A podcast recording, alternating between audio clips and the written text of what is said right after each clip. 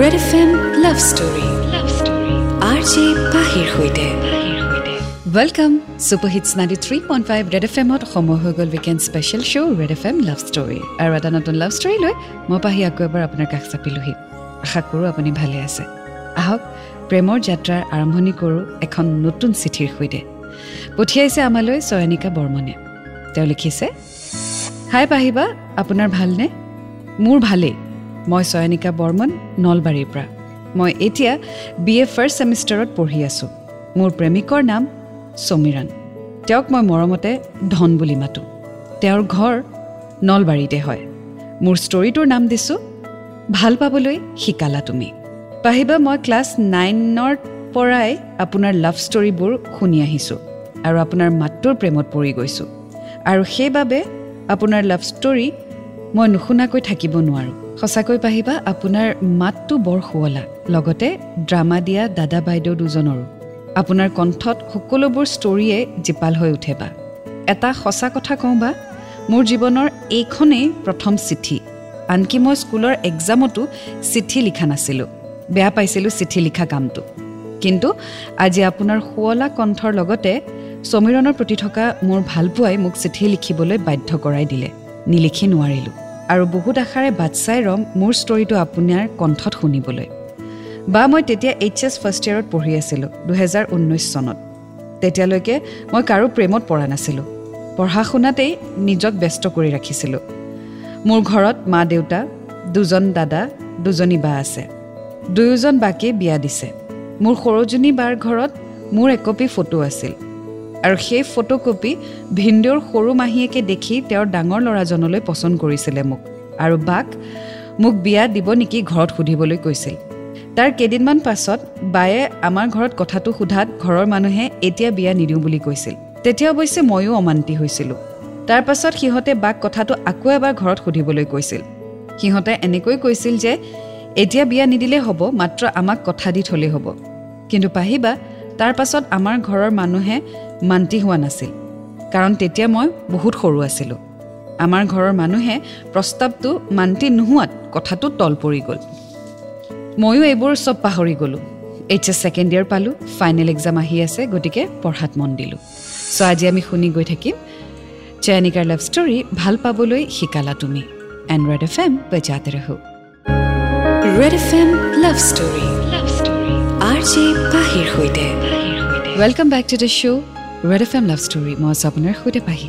আজি শুনি আছোঁ ভাল পাবলৈ শিকালা তুমি চয়নিকা বৰ্মনৰ লাভ ষ্টৰী আগলৈ তেওঁ লিখিছে এদিন হঠাৎ দুপৰীয়া প্ৰায় একমান বজাত সৰু ভিন্দৌৰ সৰু ভায়েক মানে ডাঙৰ মাহীয়েকৰ ল'ৰা আৰু সৰু মাহীয়েকৰ ডাঙৰ ল'ৰাজন অৰ্থাৎ মোক চাব খোজা ল'ৰাজন আমাৰ ঘৰলৈ আহিছিলে। সেইদিনা আছিল দুই ন দুহেজাৰ ঊনৈছ শংকৰদেৱৰ তিথি। মহাপুৰুষ শ্ৰীমন্ত শংকৰদেৱৰ তিথি উপলক্ষে আমাৰ গাঁৱৰ মন্দিৰত উৎসৱ পালন কৰা হয়। সেইবাবে মা আৰু মই মন্দিৰ যাবলৈ ওলাইছিলোঁ।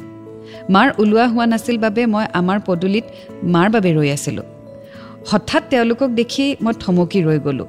আমাৰ বাহঁতৰ ঘৰত যাওঁতে সেই ল'ৰাজনক দেখিছিলোঁ আৰু সেইকাৰণে তেওঁক দেখি ধৰিব পাৰিছিলোঁ। তেওঁলোকক বহিব দি চাহ পানী দিলোঁ। ভাত খোৱাৰ কথাও ক'লোঁ কিন্তু তেওঁলোকে নেখালে ঘৰত হেনো খাই আহিছে। ভিনদেউৰ ভায়েকে ক'লে সিহঁত হেনো ক'ৰবাত গৈছিল আহোঁতে আমাৰ ঘৰত সোমালে। কিন্তু পাহিবা তেওঁলোকৰ কথাত মোৰ বিশ্বাস হোৱা নাছিল। মোৰ মনটোৱে বাৰে বাৰে কৈছিল তেওঁলোক আমাৰ ঘৰলৈ বুলিয়েই ওলাই আহিছিল। তেওঁলোক আমাৰ ঘৰত আহি যোৱাৰ দুদিন পাছত আমাৰ বাহঁতৰ গাঁৱত এখন ফাংচন আছিল আৰু সেই ফাংচন চাবলৈ ময়ো গৈছিলোঁ। মোৰ লগত মোৰ ডাঙৰ বাৰ ছোৱালীজনীও গৈছিল। গধূলি বাহঁতৰ লগত ফাংচন চাবলৈ গ'লোঁ। সেইদিনা গায়ক আছিল বাবু বৰুৱা। ফাংচন চাবলৈ ভিনদেউৰ মাহীয়েকৰ ল'ৰাজনো গৈছিল। ফাংচনত মই মঞ্চৰ ফালে চাই আছোঁ আৰু ল'ৰাজনে মোৰ ফালে চাই আছে। তেওঁ মোৰ ফালে চাই থকাটো মই দেখিছিলোঁ।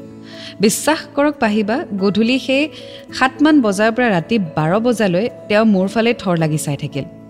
মাজতে এবাৰ চিপছৰ পেকেট পাণ পানী এইবোৰ খোৱা বস্তু কিনি আনি আমাৰ হাতত তুলি দিলে। ৰাতি বাৰমান বজাত বাহঁতৰ ঘৰত আমি উভতি গ'লোঁ আৰু শুই থাকিলোঁ। ৰাতিপুৱা বাহঁতৰ ঘৰৰ পৰা মই কলেজ কৰিলোঁ। মাহীয়েকৰ ল'ৰাজনো গুৱাহাটীলৈ গ'ল। আবেলি মই আৰু ডাঙৰ বাৰ ছোৱালীজনী ঘৰলৈ ঘূৰি আহিলোঁ। ফাংচন চাই অহাৰ চাৰিদিনমান পাছত মোৰ মোবাইলটোত এটা অচিনাকি নম্বৰৰ পৰা হাই বুলি মেছেজ আহিল। সেইখিনি সময়ত মাৰ মোবাইলটো মোৰ ওচৰত আছিল। অচিনাকি নম্বৰ কাৰণে একো ৰিপ্লাই নকৰিলোঁ। ভাবিলোঁ কাৰোবাৰ যদি কিবা প্ৰয়োজন আছে নিজে ফোন কৰিব। তাৰে দুদিনমান পাছত আকৌ সেই একেটা নম্বৰৰ পৰাই আন এটা মেছেজ আহিলে হাই বুলি। দুদিন মেছেজ অহাত মই নম্বৰটোত মিছ কল এটা মাৰিলোঁ আৰু লগালগ সেই নম্বৰটোৰ পৰা কল আহিলে। কল অহাৰ লগে লগে মই সুধিলোঁ কিয় মেছেজ দি আছে? তেতিয়া সেইফালৰ পৰা ভুলতেই মেছেজ অহা বুলি ক'লে। নামটো সোধাত বিকাশ বুলি ক'লে। মই ক'লোঁ নেক্সট টাইম যাতে আৰু কোনো ফোন মেছেজ এইটো নম্বৰৰ পৰা নাপাওঁ। সেইফালৰ পৰাও হ'ব বুলি ক'লে। পাহিবা মোৰ কিবা এটা সন্দেহ হৈছিল। আৰু সেই সময়ত যিহেতু মোৰ মোবাইল নাছিল সেইবাবে মোৰ বান্ধৱী জুপিতৰাৰ মোবাইলত নম্বৰটো ছেভ কৰি হোৱাটছএপ আছেনে নাই চেক কৰিলোঁ। হোৱাটছএপ প্ৰফাইলখন দেখিলোঁ আৰু মই যিটো ডাউট কৰিছিলোঁ সেইটোৱেই হ'ল সেই ল'ৰাজন। সেইখিনি সময়ত ক্লাছৰ সময় আছিল। টিচাৰ অহা দেখি আমি ক্লাছ কৰিবলৈ আৰম্ভ কৰিলোঁ। কিন্তু পাহিবা সেইদিনা গোটেই দিনটো মোৰ এটা স্মাইল আছিল। আৰু ক্লাছটো কেতিয়া শেষ হ'ল মই গমেই নাপালোঁ। ক্লাছটো শেষ হোৱাৰ পাছত মোৰ বান্ধৱী জুপিক কথাখিনি ক'লোঁ। তেতিয়া তাই মোক ক'লে তয়ো চাগে তাক ভাল পাই পেলাইছ সেইবাবে তাৰ নম্বৰ বুলি জানি তোৰ ইমান ফূৰ্তি লাগিছে? মই সেইটো কথাত একো মাত নিদিলোঁ। মই আকৌ মোৰ মাৰ লগত চব কথা শ্বেয়াৰ কৰোঁ পাহিবা। সেইবাবে কলেজৰ পৰা ঘৰ আহি পোৱাত আবেলি এই কথাটো মাৰ লগত শ্বেয়াৰ কৰিলোঁ। মাক মই ক'লোঁ যে সি মোক মেছেজ কৰিছে আৰু সি বুলি মই গম পালোঁ। কথাখিনি কোৱাৰ পাছত মায়ে বেলেগ একো নক'লে মাত্ৰ হাঁহি এটা মাৰি দিলে। কিন্তু সেই হাঁহিটোৰ অৰ্থ কি আছিল মই কিন্তু বুজি নাপালোঁ। যিজন ল'ৰাৰ মন আছিলে তাইৰ সৈতে বিয়া পাতিবলৈ সেই ল'ৰাজনেই তেওঁলোকৰ ঘৰলৈও আহিলে আৰু নম্বৰ পাই মেছেজো কৰিলে। আৰু সেই কথাটো চয়নিকাই নিজৰ ফ্ৰেণ্ডৰ হোৱাটছএপত নম্বৰটো ছেভ কৰি ডিপি চাই উলিয়ালে যে সেই ল'ৰাটো অন কোনো নহয় সমীৰণেই হয়। চ' আগলৈ কি হয় জানিবলৈ অপেক্ষা কৰক এন ৰেড এফ এম বজাতে red F M love story. Love story R J পাহিৰ সৈতে ৱেলকাম বেক শ্ব' চলি আছে weekend special red F M love story আৰু মই আছোঁ আপোনাৰ সৈতে পাহি আজি শুনি আছোঁ চয়নিকাৰ ষ্টৰী ভাল পাবলৈ শিকালা তুমি আগলৈ লিখিছে কিছুদিন যোৱাৰ পাছত মা গুৱাহাটীলৈ মাহীৰ ঘৰত যাব খুজিলে আৰু মই ঘৰত অকলে থাকি বেয়া লাগিব বুলি মামাহঁতৰ আইতাক মোৰ লগত থাকিবলৈ আমাৰ ঘৰলৈ মাতিলোঁ এক বাৰ দুহেজাৰ ঊনৈছ তাৰিখে মা মাহীহঁতৰ ঘৰলৈ গ'লগৈ মা মোবাইলটো লগত লৈ যোৱা নাছিল ঘৰতে থৈ গৈছিল যাতে মায়ে মোৰ খবৰ লৈ থাকিব পাৰে। সেয়েহে মোবাইলটো মোৰ লগত আছিল। সেইদিনা দেউতা ঘৰত নোহোৱা সময়ত নম্বৰটো মিছ কল এটা মাৰিলোঁ। সেইদিনাও তেওঁ মোক লগালগ কল বেক কৰিলে। কিন্তু পাহিবা তেওঁক মই যে চিনি পাইছোঁ সেইটো গম পাবলৈ দিয়া নাছিলোঁ। পাছত তেওঁ নিজেই চিনাকি দিলে। সেইদিনাহে তেওঁৰ লগত ভালদৰে চিনাকি হ'লোঁ। তেওঁ মোক সুধিছিল অঁ সেইদিনা ফোন কৰিব মানা কৰিছিলা আকৌ তুমিয়ে মিছ কল মাৰিছা। নহয় মা মানে আজি ঘৰত নাই। তো মোবাইলটো আছিলে মই ভাবিলোঁ কোনেনো কৰিছিল মিছ কল এটা দি চাওঁ। বেয়া পালে নেকি? নাই বেয়ানো কিয় পাম? অঁ। চিনি পাইছে চাগে মোক? নাই। মই কওঁ শুনা মই মিছাকৈ কৈছিলোঁ আচলতে মোৰ নামটো মোৰ নাম সমীৰণ। মই তোমালোকৰ জানো জানো মই গম পাইছিলোঁৱে। কেনেকৈ? জানো আকৌ আপোনাক মানে ভাবিছোঁ আকৌ আপুনি হ'ব বুলি। তেতিয়াহ'লে তুমি। মই হয়ে স্মাৰ্ট পিছে হেৰি কি কয় ছোৱালী বিচাৰি আছিলে নহয় বিয়াৰ কাৰণে? পালে নাই? নাই যাক পচন্দ কৰিছিলোঁ একো ৰেচপন্সেই নিদিলে কেঞ্চেল কৰি দিলে আৰু কি। ছোৱালী চাবা এতিয়া। একো নাই আমাৰ গাঁৱত কিন্তু ভাল ভাল ছোৱালী আছে আপোনাক যদি চাই দিব লাগে। নালাগে আৰু মোক ভাল ছোৱালী ভাল ছোৱালীজনী নিজে বিচাৰি পাইছিলোঁ। নহ'লে আৰু। আপোনাক কেনেকুৱা ছোৱালী লাগে বাৰু? তোমাৰ নিচিনাও নালাগে তোমাকে লাগে। ঠিক আছে মই মোৰ নিচিনা মোৰ মানে মই মই টাইপে এজনী ছোৱালী বিচাৰি দিম। তুমি তুমি টাইপ নালাগে তোমাকে লাগে। হ'ব বাৰু মই আপোনাক জনাম নহয় মই তেনেকৈ চাই মেলি আপুনি টেনশ্যন নল'ব। হ'ব বাৰু। আমি এনেকৈ কথা পাতি থাকোঁতে তেওঁ মোক বয়ফ্ৰেণ্ড আছেনে নাই সুধিলে। মই বয়ফ্ৰেণ্ড থকা বুলি মিছা কথা ক'লোঁ পাহিবা তেতিয়া তেওঁ বয়ফ্ৰেণ্ডৰ নাম সোধোতে মই সেই নামটোৱেই ক'লোঁ যিটো নাম তেওঁ মোক প্ৰথমবাৰ মেছেজ কৰোঁতে কৈছিলে মানে বিকাশ। তেওঁ কথাটো সঁচা বুলিয়ে ভাবিছিল। আৰু বিকাশ মোৰ লগত একেলগে পঢ়ি আছে বুলি মই ক'লোঁ।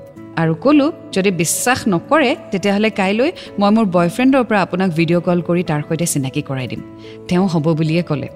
ফোনটো ৰখাৰ পাছত মই ভাবিলোঁ যে এতিয়া কৰোঁ কি যদি কাইলৈ সঁচাকৈ ভিডিঅ' কল কৰিবলগীয়া হয় কাৰ পৰা কৰিম?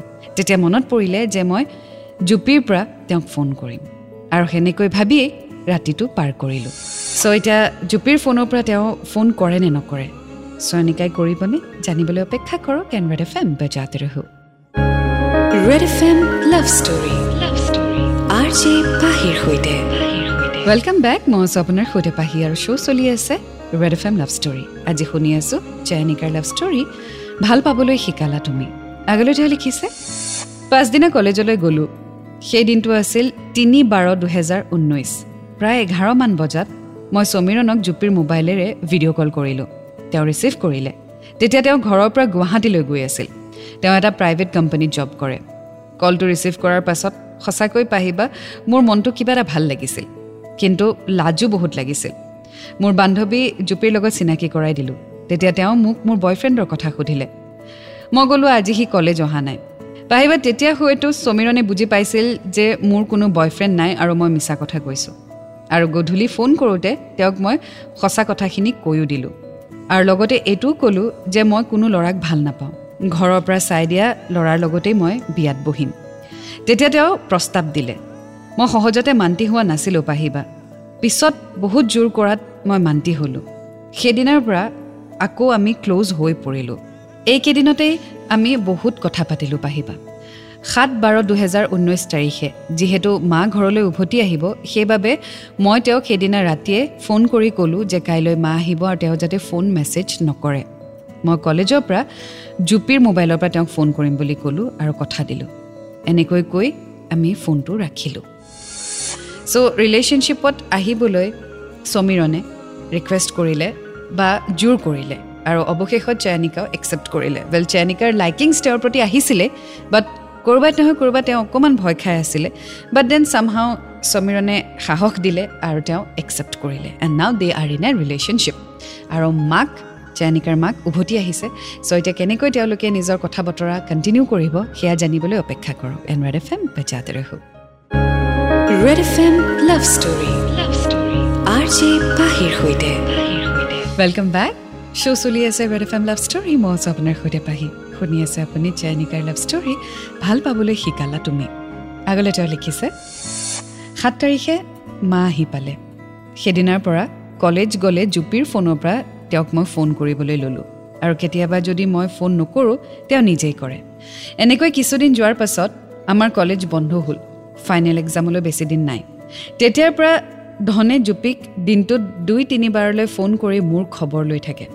এনেকৈ জুপিৰ লগত তাৰ এটা ভাল বন্ধুত্ব গঢ়ি উঠিল। কিছুদিন পাছত মই মাক ক'লোঁ তেওঁ গুৱাহাটী মাহীৰ ঘৰত থাকোঁতে ধনৰ লগত কথা পতা বুলি। কিন্তু পাহিবা মায়ে খং কৰিলে কিয়নো ধন আমাৰ বাহঁতৰ আলহী হয় চ' আমাৰো আলহী হয় আৰু সম্বন্ধত ধন হেনো মোৰ ভিন্দও হয়। সেইবাবে মা মান্তি হোৱা নাছিল। যিহেতু মোৰ বিয়াৰ বয়স হোৱা নাই সেইবাবে কথাবোৰ মই ঘৰত জোৰ দিও ক'ব পৰা নাছিলোঁ। পাহিবা মাৰ কথাখিনি শুনি মই ভাবিলোঁ ভৱিষ্যতে এইবোৰক লৈ কিবা অসুবিধা হ'লে মোৰ ঘৰখনৰ মানুহখিনি অশান্তিত থাকিব মোৰ বেয়া লাগিব আৰু সেইবাবে মই ডিচাইড কৰিলোঁ যে মই তেওঁৰ পৰা আঁতৰি অহাটোৱে ভাল হ'ব। পিছলৈ হয়তো আঁতৰি আহিবলৈ বহুত বেছি কষ্টকৰ হ'ব। সেয়া ভাবিয়ে এঘাৰ বাৰ দুহেজাৰ ঊনৈছ এই দিনটোত মই জুপিহঁতৰ ঘৰলৈ গৈ ধনক অৰ্থাৎ সমীৰণক ফোন কৰিলোঁ। তেওঁক ফোন কৰি তেওঁ যাতে মোক আৰু মনত নেপেলায় মোলৈ যাতে আৰু মেছেজ নকৰে মোক যাতে পাহৰি যায় এইবোৰ ক'লোঁ আৰু ফোনটো ৰাখিলোঁ। মই জানো পাহিবা সি বহুত কষ্ট পাইছিল। কথাখিনি শুনি ময়ো বহুত কষ্ট পাইছিলোঁ। গধূলি ঘৰলৈ আহিলোঁ মনটো বহুতেই বেয়া লাগি আছিল। সেইদিনা অকলে অকলে বহুত কান্দিছিলোঁ পাহিবা। এইকেইদিন কথা পাতিয়ে তেওঁ কিবা মোৰ বহুত আপোন হৈ পৰিছিল সেইবাবে বহুত কষ্ট পাইছিলোঁ। ইয়াতকৈ বেছি কষ্ট ভৱিষ্যতে হ'ব বুলি ভাবিয়ে মই এনেকুৱা এটা সিদ্ধান্ত লৈছিলোঁ পাহিবা। কেইদিনমান তেওঁৰ লগত কথা নপতাকৈ থাকিলোঁ। আগতে মই জুপিক লগ পালে ধনলৈ এবাৰ হ'লেও ফোন কৰিছিলোঁ বা ধনেও কৰিছিল কিন্তু আজিকালি নকৰোঁ তেওঁ নকৰে। পাহিবা ধনক মনা কৰাৰ পিছত ফোন কৰা নাছিল সঁচা কিন্তু জুপিক ফোন কৰি সদায় মোৰ খবৰ লৈছিল। কেতিয়াবা কেতিয়াবা জুপিয়ে মোক মাৰ মোবাইলত ফোন কৰি মোক কয় ধনক এবাৰ ফোনত কথা পাত বুলি কিন্তু মই নিজকে কণ্ট্ৰল কৰোঁ পাহিবা কেতিয়াবা আকৌ তাই মোক ফোন কৰে আৰু আনফালে ধনো ফোন লাইনত থাকে। কিন্তু মোৰ লগত কথা নাপাতে। সি কেৱল মোৰ মাতটো শুনিবলৈকে জুপিক ফোনটো কৰে। মোক জুপিয়ে বহুত বুজাইছিল। ধনে হেনো মোক বহুত বেছি ভাল পায়।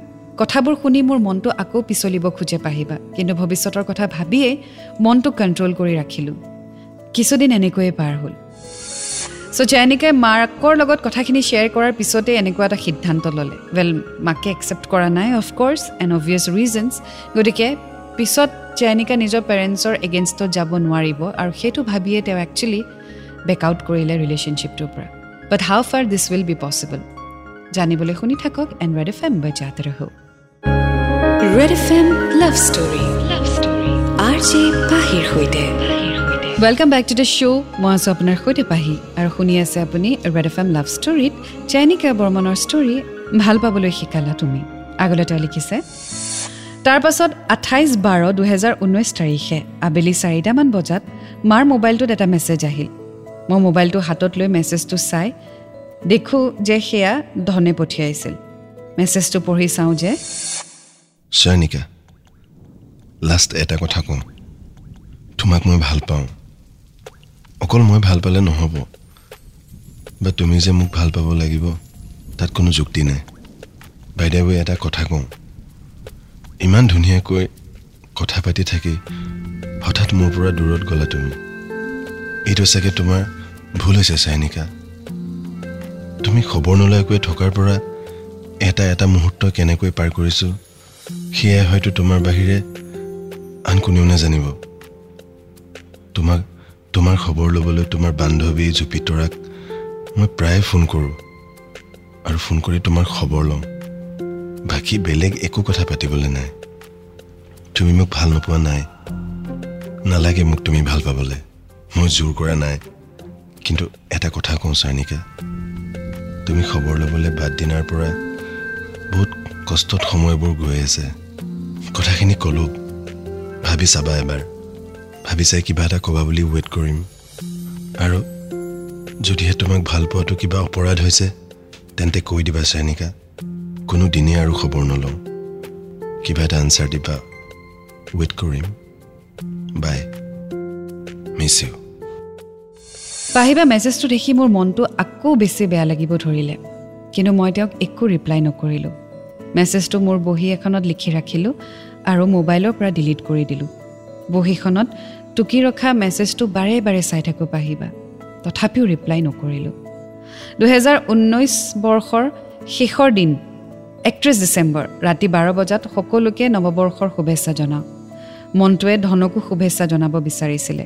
সেয়েহে মই বাৰ বজাৰ আগতেই নৱবৰ্ষৰ দুহেজাৰ বিছ চনৰ শুভেচ্ছা জনাম বুলি মেছেজ এটা টাইপ কৰি ৰাখিছিলোঁ যাতে কাৰেক্ট টাইমত মেছেজটো চেণ্ড কৰিব পাৰোঁ। ভবামতেই ঠিক বাৰ বজাত মেছেজটো তেওঁলৈ চেণ্ড কৰিলোঁ। আৰু তেওঁৰ পৰাও ঠিক বাৰ বজাতেই মেছেজ আহিল। মোৰ নিচিনাকৈ তেওঁ বোলে মেছেজটো মোলৈ বুলি আগতীয়াকৈ লিখি ৰাখিছিল। অলপ সময় মেছেজতে কথা পাতিলোঁ। তাৰপাছত মই শুই গ'লোঁ। তাৰপাছত আকৌ পাঁচদিনমান আমাৰ মাজত কথা বতৰা হোৱা নাছিল পাহিবা। এইবাৰ মই এইচ এছ ফাইনেল এক্সাম দিম যিহেতু পৰীক্ষা আহি আছে সেইবাবে আমাৰ ক্লাছো শেষ হৈ আহিছিল। সেয়েহে কলেজ যোৱাটো বন্ধ হৈছিল। তেনেতে এদিন ছয় এক দুহেজাৰ বিছ তাৰিখে কিবা কামৰ বাবে আমি কলেজ যাব লগা হ'ল। কলেজত কামখিনি শেষ কৰি জুপি আৰু মই আৰু জুপিৰ বয়ফ্ৰেণ্ড ৰাজৰ দোকানলৈ যাবলগীয়া হ'ল। জুপিয়ে মোক ক'লে ধনক ফোন কৰি মাতি দিবলৈ। মই আকৌ বহুত লাজ কৰিয়া পাহিবা তাতে আকৌ এদিন ফোন মেছেজ কৰিবলৈ মানা কৰা ল'ৰাজনক আকৌনো কেনেকৈ ফোন কৰি মাতি পঠিয়াওঁ? মই নকৰোঁ বুলি ক'লোঁ কিন্তু জুপিয়ে নামানিলে। তাই মোৰ কথাখিনি আওকাণ কৰি নিজে ধনলৈ ফোন কৰিলে আৰু ৰাজুৰ দোকানলৈ মাতি পঠিয়ালে। চ' এতিয়া ধন অৰ্থাৎ সমীৰণ আহিবনে? জানিবলৈ অপেক্ষা কৰক এণ্ড ৰেড এফ এম বজাত ৰহ।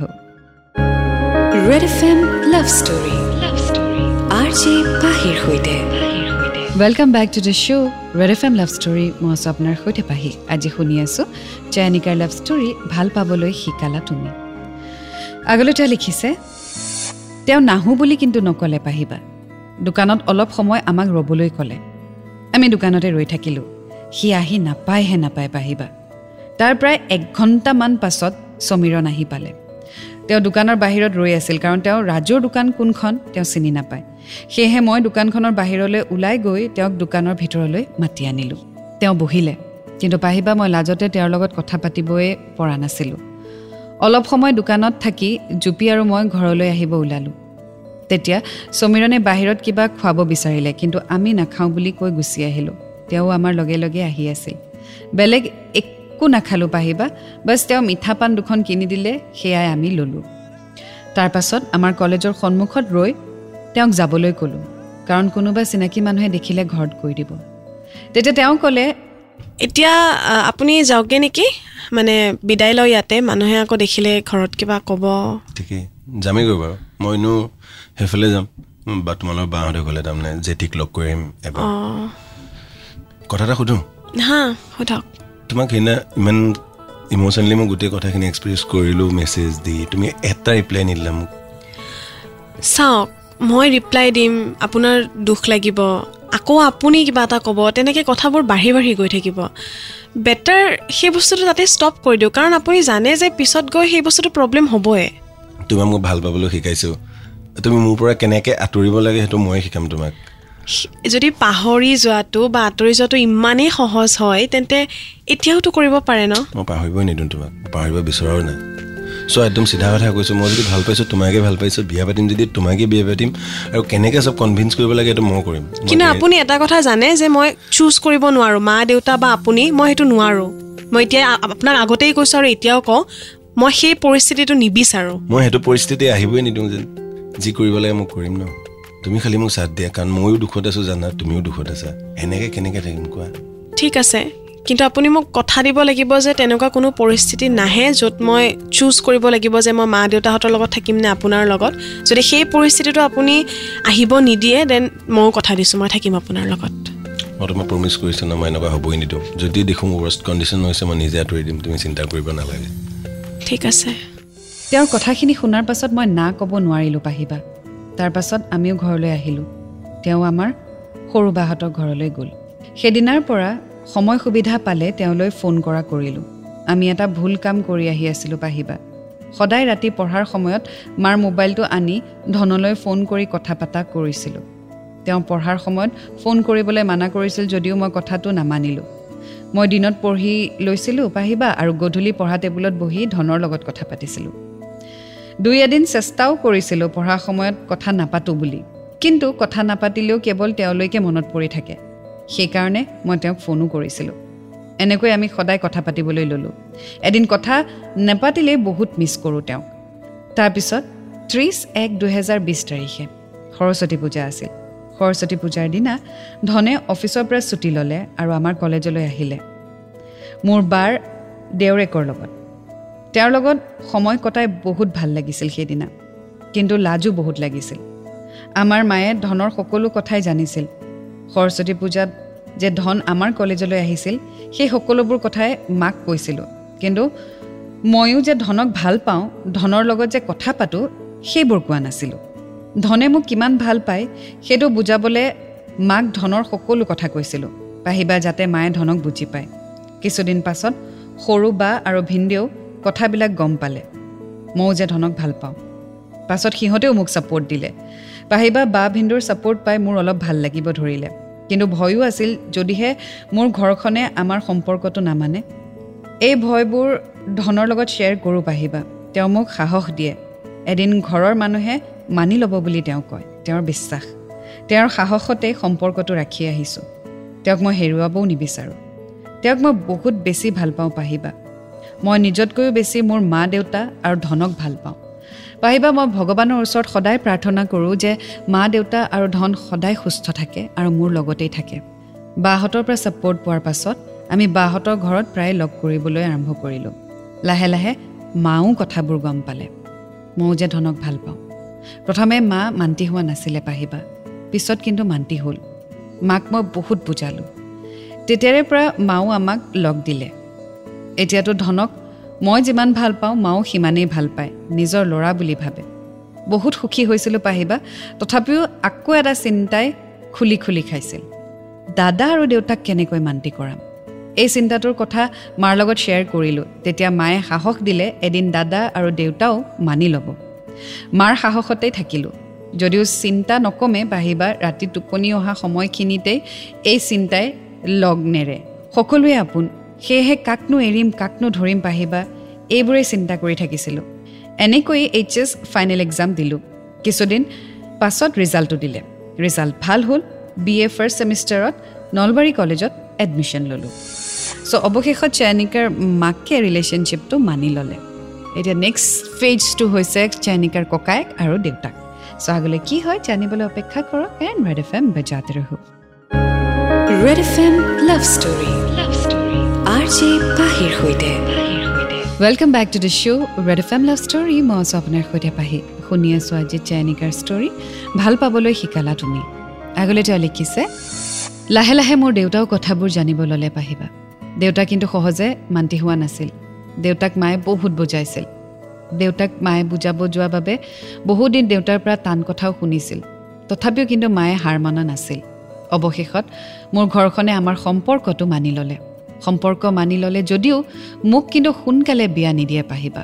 মোৰ ঘৰখনে সম্পৰ্কটো মানি লোৱাৰ পাছত আমাৰ মাজত আগতকৈ বেছি মৰম বাঢ়ি গ'ল পাহিবা। আমি ইজনে আনজনক এৰি থকাটো দূৰৰে কথা। সেই ভাৱ মনলৈ আনিব নোৱাৰোঁ আৰু আমাৰ সম্পৰ্কটোত মৰম ভালপোৱা বহুত বেছি আছে। দুই এদিনতে ধনৰ মাক দেউতাক আমাৰ ঘৰলৈ আহিব। তেওঁলোকৰ ঘৰখনত বোৱাৰী এজনীৰ বহুত প্ৰয়োজন পাহিবা কাৰণ ধনৰ মাক নোৱাৰা হৈ আহিছে। ধনৰ মাকৰ কথা ভাবিলেই মোৰ বহুত মনটো বেয়া লাগে। তেখেতৰ বয়সো হৈ আহিছে। ধনৰ মাকৰ কথা ভাবিলে বহুত বেয়া লাগে। ধনক বিয়া পাতিবলৈ ঘৰৰ পৰা জোৰ দি আছে। আনফালে আমাৰ ঘৰখনে এতিয়াই মোক বিয়া দিব নিবিচাৰে। এটলিষ্ট ডিগ্ৰীটো কমপ্লিট কৰাৰ পিছতহে বিয়া দিব। কাৰণ মোৰ ওপৰত দাদা আছে। মা দেউতাৰ মতে আগতে দাদাক বিয়া পাতি দিহে মোক বিয়া দিব। ধনৰ মাকৰ কষ্টখিনি মই বুজি পাওঁ পাহিবা। কিন্তু কোনফালে কি কৰিম পাহিবা মই একো উপায় বিচাৰি পোৱা নাই। আমাৰ সম্পৰ্কটো আগবঢ়াই নিয়াত বিশেষকৈ মোৰ মা আৰু মোৰ বান্ধৱী জুপিতৰা দুয়োজনীয়ে বহুত বেছি সহায় আৰু কষ্ট কৰিছে। আপোনাৰ এই প্ৰগ্ৰেমৰ জৰিয়তে তেওঁলোক দুয়োজনকে বহুত বহুত ধন্যবাদ জনাইছোঁ পাহিবা। আৰু লগতে মোৰ মৰম ভালপোৱা জীৱন মোৰ ধনক বহুত ধন্যবাদ জনালোঁ। মোক ইমান মৰম দিয়াৰ বাবে। তেওঁৰ প্ৰেমত মোক পৰিবলৈ শিকোৱাৰ বাবে। লগতে ভগৱানকো ধন্যবাদ জনাইছোঁ। ভগৱান স্বৰূপ মোৰ মা আৰু ধনক মোৰ জীৱনত দিয়াৰ বাবে। মোৰ জীৱনটো মা দেউতা আৰু ধন অবিহনে অসম্পূৰ্ণ হৈ ৰ'ব পাৰিবা। তেওঁলোক তিনিওজন মোৰ দেহৰ একো একোটা অংগ। এই তিনিওটা অংগৰ এটা হেৰাই গ'লেও মই অসম্পূৰ্ণ হৈ ৰ'ম। ভগৱানৰ ওচৰত মই সদায় প্ৰাৰ্থনা কৰোঁ এওঁলোক তিনিওজনকে যেন সদায় সুস্থ ৰাখে আৰু মোৰ জীৱনৰ আধা আয়ুস এওঁলোক তিনিওজনকে ভগাই দিয়ে। পাহিবা মোৰ এই লাভ ষ্টৰিটো ধনক লিখিব দিছিলোঁ। তেতিয়া তেওঁ মোক ক'লে যে লাভ ষ্টৰিটো কিবা এটা নাম মই দিব লাগিব আৰু তেতিয়া তেওঁ লিখিব। কিন্তু পাহিবা মই বিচাৰিছিলোঁ তেওঁ নিজেই কিবা এটা নাম দি আমাৰ ষ্টৰিটো লিখি আপোনাৰ হাতত তুলি দিয়ক। সেইবাবে মই নাম এটা নিদিলোঁ। মই নাম এটা নিদিলোঁ বাবেই তেওঁ নিলিখিলে। বহুত বেয়া লাগিছিল কাৰণ বহুত আশা কৰিছিলোঁ মই আপোনাৰ কণ্ঠত আমাৰ লাভ ষ্টৰিটো শুনিম বুলি। চিঠি লিখাৰ অভিজ্ঞতা নাই। আখৰো বেয়া। তথাপিও তেওঁ নিলিখাত ময়ে চেষ্টা কৰিলোঁ লিখিবলৈ। আৰু ভাবিলোঁ তেওঁৰ জন্মদিনত উপহাৰ হিচাপে তেওঁৰ হাতত দি তেওঁৰ দ্বাৰাই আপোনালৈ প্ৰেৰণ কৰিম বুলি। আপুনি বিশ্বাস কৰেনে নকৰে নাজানো পাহিবা এইখনেই মোৰ জীৱনৰ প্ৰথম চিঠি। বহুত আশাৰে লিখিছোঁ। আপোনাৰ কণ্ঠত সোনকালেই যেন ভাল পাবলৈ শিকালা তুমি নামৰ ষ্টৰিটো শুনিবলৈ পাওঁ বা পাহিবা ধন মোৰ জীৱনৰ প্ৰথম আৰু শেষ ভালপোৱা। আপুনিও মোৰ ধনক কৈ দিবচোন তেওঁ যেন মোক এতিয়াৰ দৰে মৰম ভালপোৱা দি সদায় মোৰ লগতেই থাকে। আজি nineteen seven two thousand twenty one মোৰ লগত ধনৰ দ্বিতীয়টো জন্মদিন। জন্মদিন উপলক্ষে ধনৰ হাতত এই চিঠিখন জন্মদিনৰ উপহাৰ হিচাপে দিলোঁ। ধনে সময় সুবিধা মিলাই এই চিঠিখন আপোনালৈ প্ৰেৰণ কৰিব পাৰিবা। হেপী বাৰ্থডে ধন! মনে বিচৰা ধৰণে সুখী হোৱা love you so much dear পাহিবা শেষত ভগৱানৰ ওচৰত আপোনাৰ সুস্বাস্থ্য আৰু দীৰ্ঘায়ু কামনা কৰিছোঁ। থেংক ইউ পাহিবা আমাক ইমান এটা ধুনীয়া প্লেটফৰ্ম দিয়াৰ বাবে লগতে এই ষ্টৰিটো পঢ়ি শুনোৱাৰ বাবে। আই লাভ ইউ পাহিবা লাভ ইউ ছ' মাছ লগতে দুলাইন সমীৰণেও লিখিছে চেনিকাৰ বয়ফ্ৰেণ্ড সমীৰণৰ পৰাও আপোনালৈ হিয়া ভৰা মৰম যাচিলোঁ আৰু মোৰ টিকলাক ধন্যবাদ জনালোঁ। এতিয়া আপোনাৰ মৰমৰ ভণ্টি Chayanika Barman Nalbari. Thank you so' much Chayanika তুমি তোমাৰ ষ্টৰি দি শ্বেয়াৰ কৰিলা আৰু আশা কৰোঁ তোমালোক দুয়োৰে সুখৰ জীৱন হওক and you have a successful love life ahead আৰু প্ৰট'কল মতেই আমি তোমাৰ পাৰ্টনাৰৰ নাম চেঞ্জ কৰি দিছোঁ। ছ' আই হোপ তুমি বুজি পাবা because this is for personal safety বহুত আগতে তুমি এইখন শ্বেয়াৰ কৰিছা বহুত পলম হৈছে শ্বেয়াৰ কৰোঁতে কাৰণ বহুত চিঠি পেণ্ডিং হৈ আছে। চ' আনফৰ্চুনেটলি তোমাৰ বয়ফ্ৰেণ্ডৰ বাৰ্থডে দিনাটো আমি এইটো ব্ৰডকাষ্ট কৰিব নোৱাৰিলোঁ বাট still wishing him a very very happy birthday in advance যিহেতু তেওঁৰ বাৰ্থডে এই বছৰ আহি আছে। চ' আগতীয়াকৈ বাৰ্থডেৰ শুভেচ্ছা থাকিলে দুয়োকে শুভেচ্ছা থাকিলে। আৰু এয়া দুহেজাৰ বিছৰ চিঠি পঢ়ি আছোঁ গতিকে আপুনিও আপোনাৰ চিঠিসমূহ সোনকালে পঠিয়াওক যাতে পলম নহয়। আৰু যিয়ে আগতীয়াকৈ পঠিয়াই ডেট ৱাইজ মই জমা কৰি গৈ থাকোঁ আৰু ডেট ৱাইজ মই পঢ়ি পঢ়ি গৈ থাকোঁ। আৰু ঠিকনাটি আপুনি এই ভিডিঅ'টিৰ অন্তত পাব। Red F M S M S YouTube চেনেলত ভিডিঅ'টিৰ অন্তত এড্ৰেছটি পাই যাব চ' তাত নোট ডাউন কৰিবলৈ নাপাহৰিব। আৰু red F M S M S YouTube চেনেলটি subscribe কৰিবলৈ নাপাহৰিব। চ' এতিয়া বিদায় লৈছোঁ। আকৌ লগ পাম এটি নতুন ষ্টৰীৰ সৈতে। Until then To fall in love, it's a great feeling. You will get to learn a lot. And always remember, I love you. Bajate raho.